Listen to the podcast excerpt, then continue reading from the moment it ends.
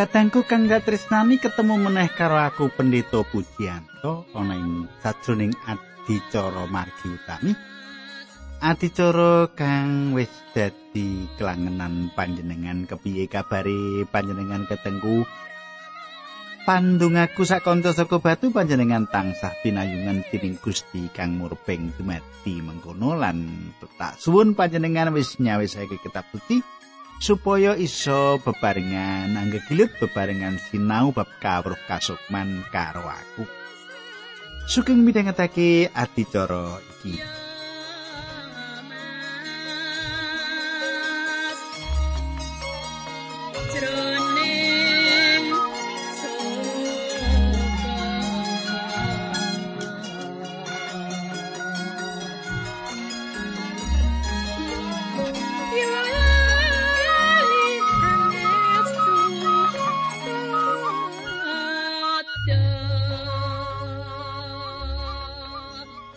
Kadangku, apa panjenengan isi kelingan ing patemon kepungkur? Ing patemon kita kepungkur kita wis nyemak kepiye Gusti Allah paring dawuh marang umat kagungane supaya bangsa Israel ngatakake wong liya kanthi ninggalake perangan kanggo wong liya nalika padha panen. Bagian kanggo wong liya nalika padha panen.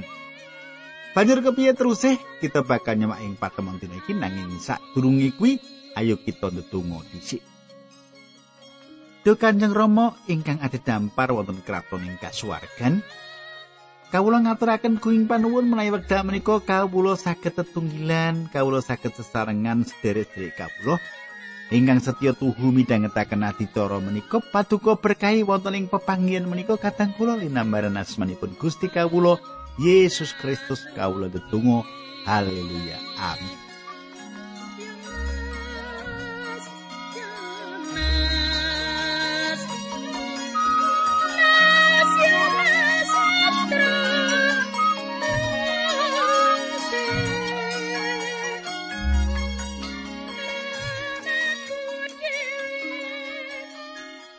Para pamirsa pasinon kita pasinon kita ing patemon kita iki. Wis ngantik kita pengandaring Torat bab selawi. Wis ngantik kita pengandaring Torat bab selawi. Iki sawijining pasal kang ngedapi-dapi lan ngatonake. Kaya ngapa kawigatene Allah kanggo ngayomi wong kang ora dosa kanthi maringi paukuman marang wong kang luput lan jejegake jenenge sedulur ing Israel Panjenengan katakake bab selawe ayat siji nganti telu tak wacake ing basa pedinan.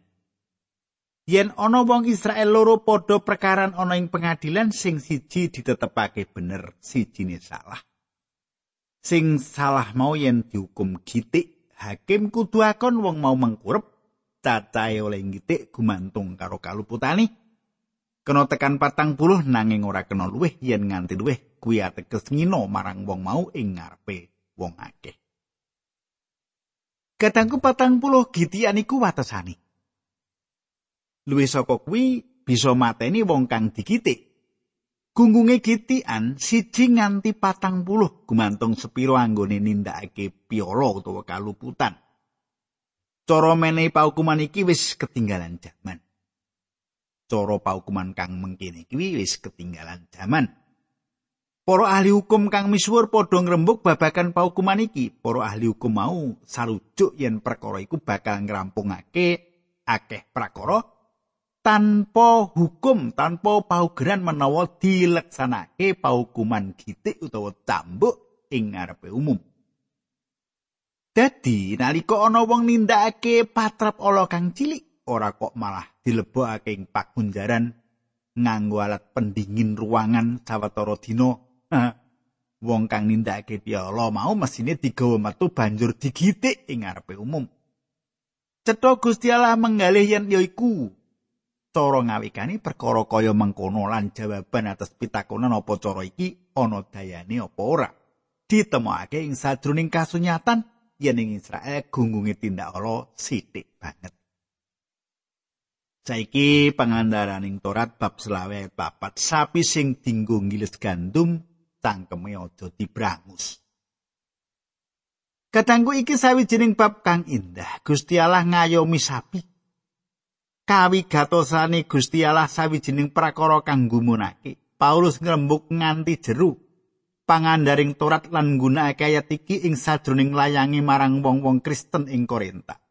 Siji Korinta songo ayat songo nganti 11. Torete Nabi Musa ra uga nyebutake mengkene kowe aja mbrangus tangkeme sapi sing lagi kanggo ngiling sing dikersake dening Gusti Allah ing kene ora mung sapi wae. Nanging sanyatane ya kita iki wong sing nyebar lan wong sing derep wis sak mestine nyambut gawe kanthi pengarep-arep bakal nampa paduman saka paninan mau. Ayat 11 Aku wis padha nyebar wiji rohani ing antaramu apa aku ora wenang padha ngeneni berkah kajasmanen saka kowe? Kadangku apa panjenengan gatekake kepiye nggone Paulus ngetrapake prakara iki? Paulus kondo bayaran wong kang ngutbahi kowe siji Korintus 9 ayat 14 Mungkin surat sani mengkono Gusti wis netepake yen wong sing ngabarake Injil ya nampa pangane saka nggone ngabarake Injil mau Kadangku wong kang nglayani panjenengan ing sadroning prakara-prakara kasukman menehi panjenengan pangan kasukman. Kosok baline panjenengan menehi pangan marang wong kang khotbah mau karo barang-barang jasmani, ya kaya mengkono Paulus nggone ngetrapake kegayutan marang ayat iki. Saiki pangandaring turat selawe ayat 5 lan 6 mengkene surasane. Yen ana wong lanang loro padha sedulur lan tunggal sepangguna mongko salah siji tinggal donya ora ninggal anak. Kuwi randane ora kena dipek wong liya kejaba keluargane sedulur lanang kudu ningkah randane mau. Anak lanang pembarep saka ningkah mau kudu dianggep anake wong sing wis mati supaya sing mati mau duwe turun ing antaraning bangsa Israel. Kadangku Gusti Allah ngayomi kaum wanita kita krungu akeh prakara gegayutan karo hak wanita lan sawijining bab kang yang semake Gusti Allah ngayomi hak wanita-wanita mau. Kita kudu eling yen ing Israel sak perangan gedhe masyarakate kuwi wong tani. Negara iki didum marang rakyate lan kabeh rakyate etuk bagian tanah. Nalika ana wong lanang mati, wong mau bakal ninggalake bagian tanah karo kabeh gandum lan jagung uga kewan raja kayani. Randane ditinggal karo bagian tanah kanggo terus dirumat. Upamane ana wong lanang saka suku liyane kang kepengin ningkah karo wanita mau, wong lanang mau bakal melu duwe warisan wong lanang kang mati. Ya iki kang dilarang. Rondo kuwi ora ditinake ningkah karo wong lanang saka njaba suku lan. Saiki ayat pitu. Nanging yen sedulure lanang wong sing mati mau ora gelem ngepek randane, rondo kuwi kudu ngadep marang para pinituwa ing seketengi. Kutha kono lan kondo IP kula mboten purun nglampahi kewajibanipun ngesangaken namanipun sederekipun ing Israel. Ayat 8 10 para pinituwane kutha kono kudu ngundang IP mau dijak rembugan. Yen dhewekne meksa ora gelem ngawini randane sedulure mau wong wadon mau ana ing ngarepe para pinituwa kudu nyopot sandale ipene ngidoni raini lan kono mangke niki jalukane wong lanang sing ora gelem aweh turunan marang seduluri keluargane wong mau ing Israel bakal katelah keluargane wong sing dicopot sandal Kadangku kang datrisnani menawa wong lanang sedulure sing mati mau nampik nikah karo rondo mau. Rondo mau bisa nggawa menyang pengadilan seketeng kutha dadi papan pengadilan kang bakal ngadiling jaman semono. Wong wadon mau bakal kondo karo para tuwa-tuwa kepiye kahanane menawa wong lanang mau nampik ningkah karo rondo mau. Ana paukuman kang bakal ditompo. Wong lanang mau bakal diwewirang awit ora gelem nindakake prakara kang kudu ditindakake manut angger-angger Torat. Apa kang ditindakake mbuktekake yen wong lanang kuwi ora gelem belani sedulure, keluargane utawa suku bangsane utawa Gusti Allah. Wong kuwi diwewirang. Iki sawijining cara kang ngidapi-dapi kepiye anggone Gusti Allah ngayomi para rondo. Kita bakal nyemak kalaksanane paugeran iki Nalika kita tekaning kitab Rut paugeran iki dileksanake ing kitab kuwi. Katengku apa panjenengan bisa mbayangake kepiye perkara iki duwe daya pengaruh ing uripe keluarga ing Israel. Wong-wong mau bakal asik tegas ningkah kuwi sawijining masalah keluarga. Yaiku cara Gusti Allah kanggo narik keluarga dadi luwih cerak ngayomi para rondo lan uga ngayomi tanah negara kuwi ya iki cara supaya tanah iku tetep ana ing tangane keluarga kang iki apik banget tumrap bangsa Israel ayat kang sebanjuri menehi paukuman kang abot menawa dumadi cecungkran antarane wong-wong mau Gusti Allah uga paring dawuh marang umat kagungani supaya tansah pas ing sajrone ukuran lan timbangan Wong Israel kudu bener-bener jujur ana ing urusan gawean. Sedulurku, sebanjure kita bakal nyemak paukuman atas wong Amalek. Ing pangentasan pitulas kita nemokake tulisan bab wong Amalek nyerang wong Israel nalika wong Israel metu saka Mesir. Wong Amalek iku sawijining suku ngumbara kang seneng ngerampok ing ora-ora samud. Pangandaring terat selawe ayat pitulas nganti songolas. aja lali karo pegaweane wong Amalek marang kowe nalika kowe teka saka tanah Mesir. Wong-wong kuwi ora padha wedi marang Allah lan wis nyerang marang kowe saka mburi, ya kuwi nalika kowe lagi kesayan lan kentekan tenaga, wong-wong sing mlaku ning mburi padha dipateni kabeh. Mulane yen pangeran Allahmu wis maringake tanah mau marang kowe lan wis ora ana mungsuh sing manggon ing kiwa tengahmu, wong Amalek kuwi kudu kok pateni kabeh nganti jenenge Amalek ora tau kocak aja lali katangku wong Israel nandang sengsara nalika diserang dadakan dening wong Amalek ing Rafidim Iku sawijining peperangan nalika Musa ana ing pucak ing gunung Harun lan Hur nyangga lengene Musa ing sajrone tungo marang Gusti Allah. Yen tangane Musa ana ing dhuwur, Yosua lan prajurit Israel menang. Nanging menawa tangane Musa mudhun, Yosua lan prajurite kalah. Wong Israel tundone bisa menang atas wong Amalek. Nalika iku Gusti ngendika prakara kang nyeng semake nganti jenenge Amalek ora tau kocak. Katengku, kaya kang wis ndak aturake sadurunge Amalek nggambarake sifat Yaiku sifat kang wis tiba ing sadurung dosa kang kita warisi saka Adam. Tundune katangku Gusti Allah ngersakake ngilangake sifat lawas iku kang ora bakal bisa mlebu ing kasuwargan kanthi sifat lawas iku. panjenengan lan aku kuwi duwe sifat lawas kang ora gelem bangun turut marang Gusti Allah. Kita bakal ngrembug meneh babagan iki kanthi triti nalika kita tekan ing layang Rum. Saksuwene kita urip ora bisa wae saka watek kedagingan, ya toh? Kita ora bisa ngawikani merantasi sifat kedagingan kanthi mertopo utawa bahasane asketik utawa kanthi budidaya ngalahke sifat kuwi utawa dadi wong kang suci. Pambudidaya kang kaya mengkono kuwi ora bakal nggayuh apa-apa. Nanging kita perlu ngerti yen ing sajroning urip kita dewi-dewi lagi dumadi peperangan. Peperangan kuwi ya iku perange sifat daging lan sifat kasukman. Kadang kuing layang Galatia 5 ayat 17. Paulus meratelakake awit karping daging kuwi sulaya karo kersane Sang Roh Suci. lan kersane Sang Roh Suci kuwi cengkah karo kareping daging sekarone mau padha memungsuhan mulane kuwi aja tumindak manut karepmu dhewe Katangku kang dak tresnani kita ora bisa ngawikani sifat kedagingan kuwi kanthi ndedonga wae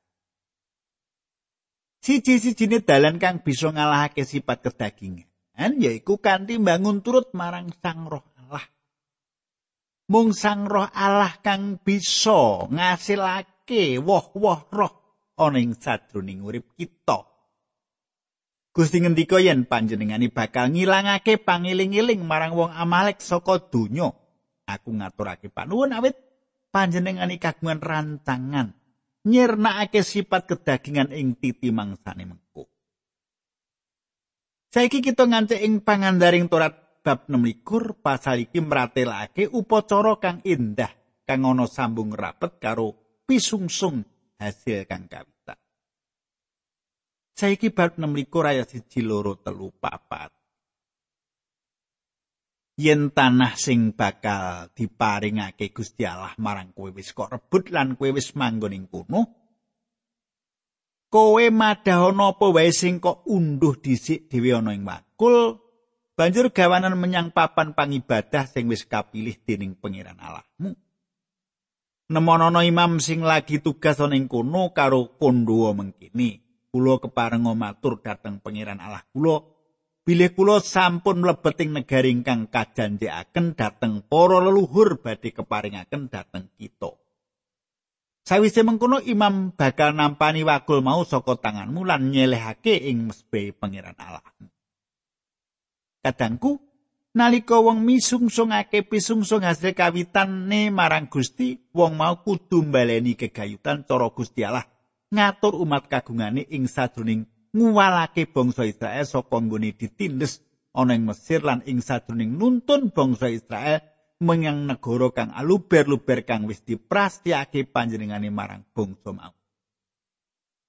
Ayat 5 Kowe banjur kudu matur ing ngarsane pangeran Allahmu mengkini leluhur kula menika tiang aram ingkang lemboro tiang naneka ingkang boten gadah griya menika sami beto keluarganipun dateng tanah Mesir lan sami manggen ing ngriku. Nalika kisah dateng Mesir cacahipun namung sekedhik nanging lajeng dados bangsa ingkang ageng lan kiyat kadangku ana ing kene ana perkara kang aku kepengin panjenengan nyatet. Wong Israel sowan dhisik marang Gusti Allah karo ngakoni dosane. Wong Israel bakal ngakoni Rama kawula rumiyin tiang Aram tiang Ngumboro. Ra Abraham kuwi wong Israel? Ora. Dheweke dudu wong Israel. Kepiye karo Iska? Iska uga dudu. Kepiye karo Yakub? Sakjane Yakub dudu wong Israel. Wong akeh kang lunga menyang Mesir ya iku wong Aram. Abraham iku wong Arab. Nah, terus ke ayat 6 nganti 10 pengandaring Torat bab 6 likur. Wonten ing tanah Mesir, kula sami dipun tindes. Kapuri nyambut damel kados rencang tumbasan. Kula lajeng sami sesambat nyuwun tulung datang pangeran. Inggih halaipun para leluhur kula. Panjenenganipun miyarsakaken pasambat kula sarta mirsa rekaos kasisahan lan kasangsaran kula. Mila lajeng ngentas kula saking tanah Mesir srana pangwaos lan kasektenipun. Lajeng ngawontenaken mujizat-mujizat sarta kaeloan-kaeloan ngantos wonten kedadosan-kedadosan ingkang gumunaken. Kula sedaya lajeng kabekta mriki lan kaparingan tanah ingkang subur luber ing samukawis. Pramila samenika kula suwan nyaosaken dhateng pangeran pamedaling taneman ingkang kula petik rumiyin piyambak, wakulmu banjur selehna ana ing ngarsane pangeran lan sujuta marang panjenengan. Kadangku kanggone wong Israel iku sawijining wektu ngaturake panuwun kang tak bener. Atur panuwun kanggo kita menawa panjenengan kalbu warga gereja Jawa. Utawa gereja sing isih nindakake atur panuwun kang diwujudake kanthi ibadah unduh-unduh lire saben warga gereja badhe ngaturake hasil panen kang paling apik marang Gusti kang wis amberkahi panen. Lan hasil panen mau dipasrahake ana ing gereja. Lan biasane acara kuwi dileksanake nganti sedina Lan iki sawijining patrap kang apik kang dadi pitakonan yaiku sepira kita ngaturake pisungsung kang bener-bener ing dina atur panuwun mengkono kuwi. Kadangku bangsa Israel nindakake lan iki sawijining wiwitan saka atur panuwun.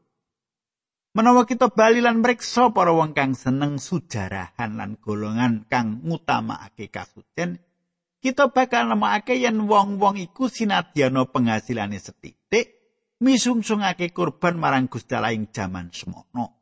Pancen indah misungsungake atur panuwun lan memuji nganggo tutuk kita. Nanging kita kudu nyengkuyung karo duit kita uga. pepujian lan duit kudu lumaku sairing ana ing sadroning pangandikane Allah. Ayat 13 nganti 13. Saben telung taun sepisan. Kowe nyaosno kurban pro sepuluhan, ya kuwi sak pro sepuluhe asile panenanmu. Kanggo wong lewi, wong monto, buta lolo lan para rondo, temaing saben kutha wong-wong mau padha nampa apa sing dibutuhake kanggo uripe. yen wis mengkono banjur matura marang pangeran sak prosedasaning asile panenan kula menika kagungan paduka mboten wonten sekedhik kemawon ingkang kula simpen ing griya. Sedaya sampun kula suka akan dateng lewi. Tiang monco lare lolo lan para rondo kados ingkang paduka dawuhaken dateng kula. Mboten wonten dawuh paduka bab prosedasan ingkang kula supekaken setunggal kemawon. Kadangku kang dak tresnani menawa Israel gelem cekelan dawuh-dawe Gusti Allah. Gusti Allah paring janji bakal andadekake umat pilihani panjenengan iki lan mapanake umat kagungane ana ing sak dhuwuring sak warnane bangsa ing jagat.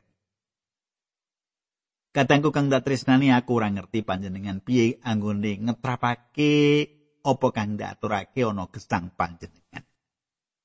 saiki sepiro kawigaten panjenengan karo gereja panjenengan kepiye anggon panjenengan ngaturake pisungsung marang Gusti apa panjenengan pancen ngaturake pisungsung sing paling apik dhewe? Sing paling pas kanggo Gusti Allah.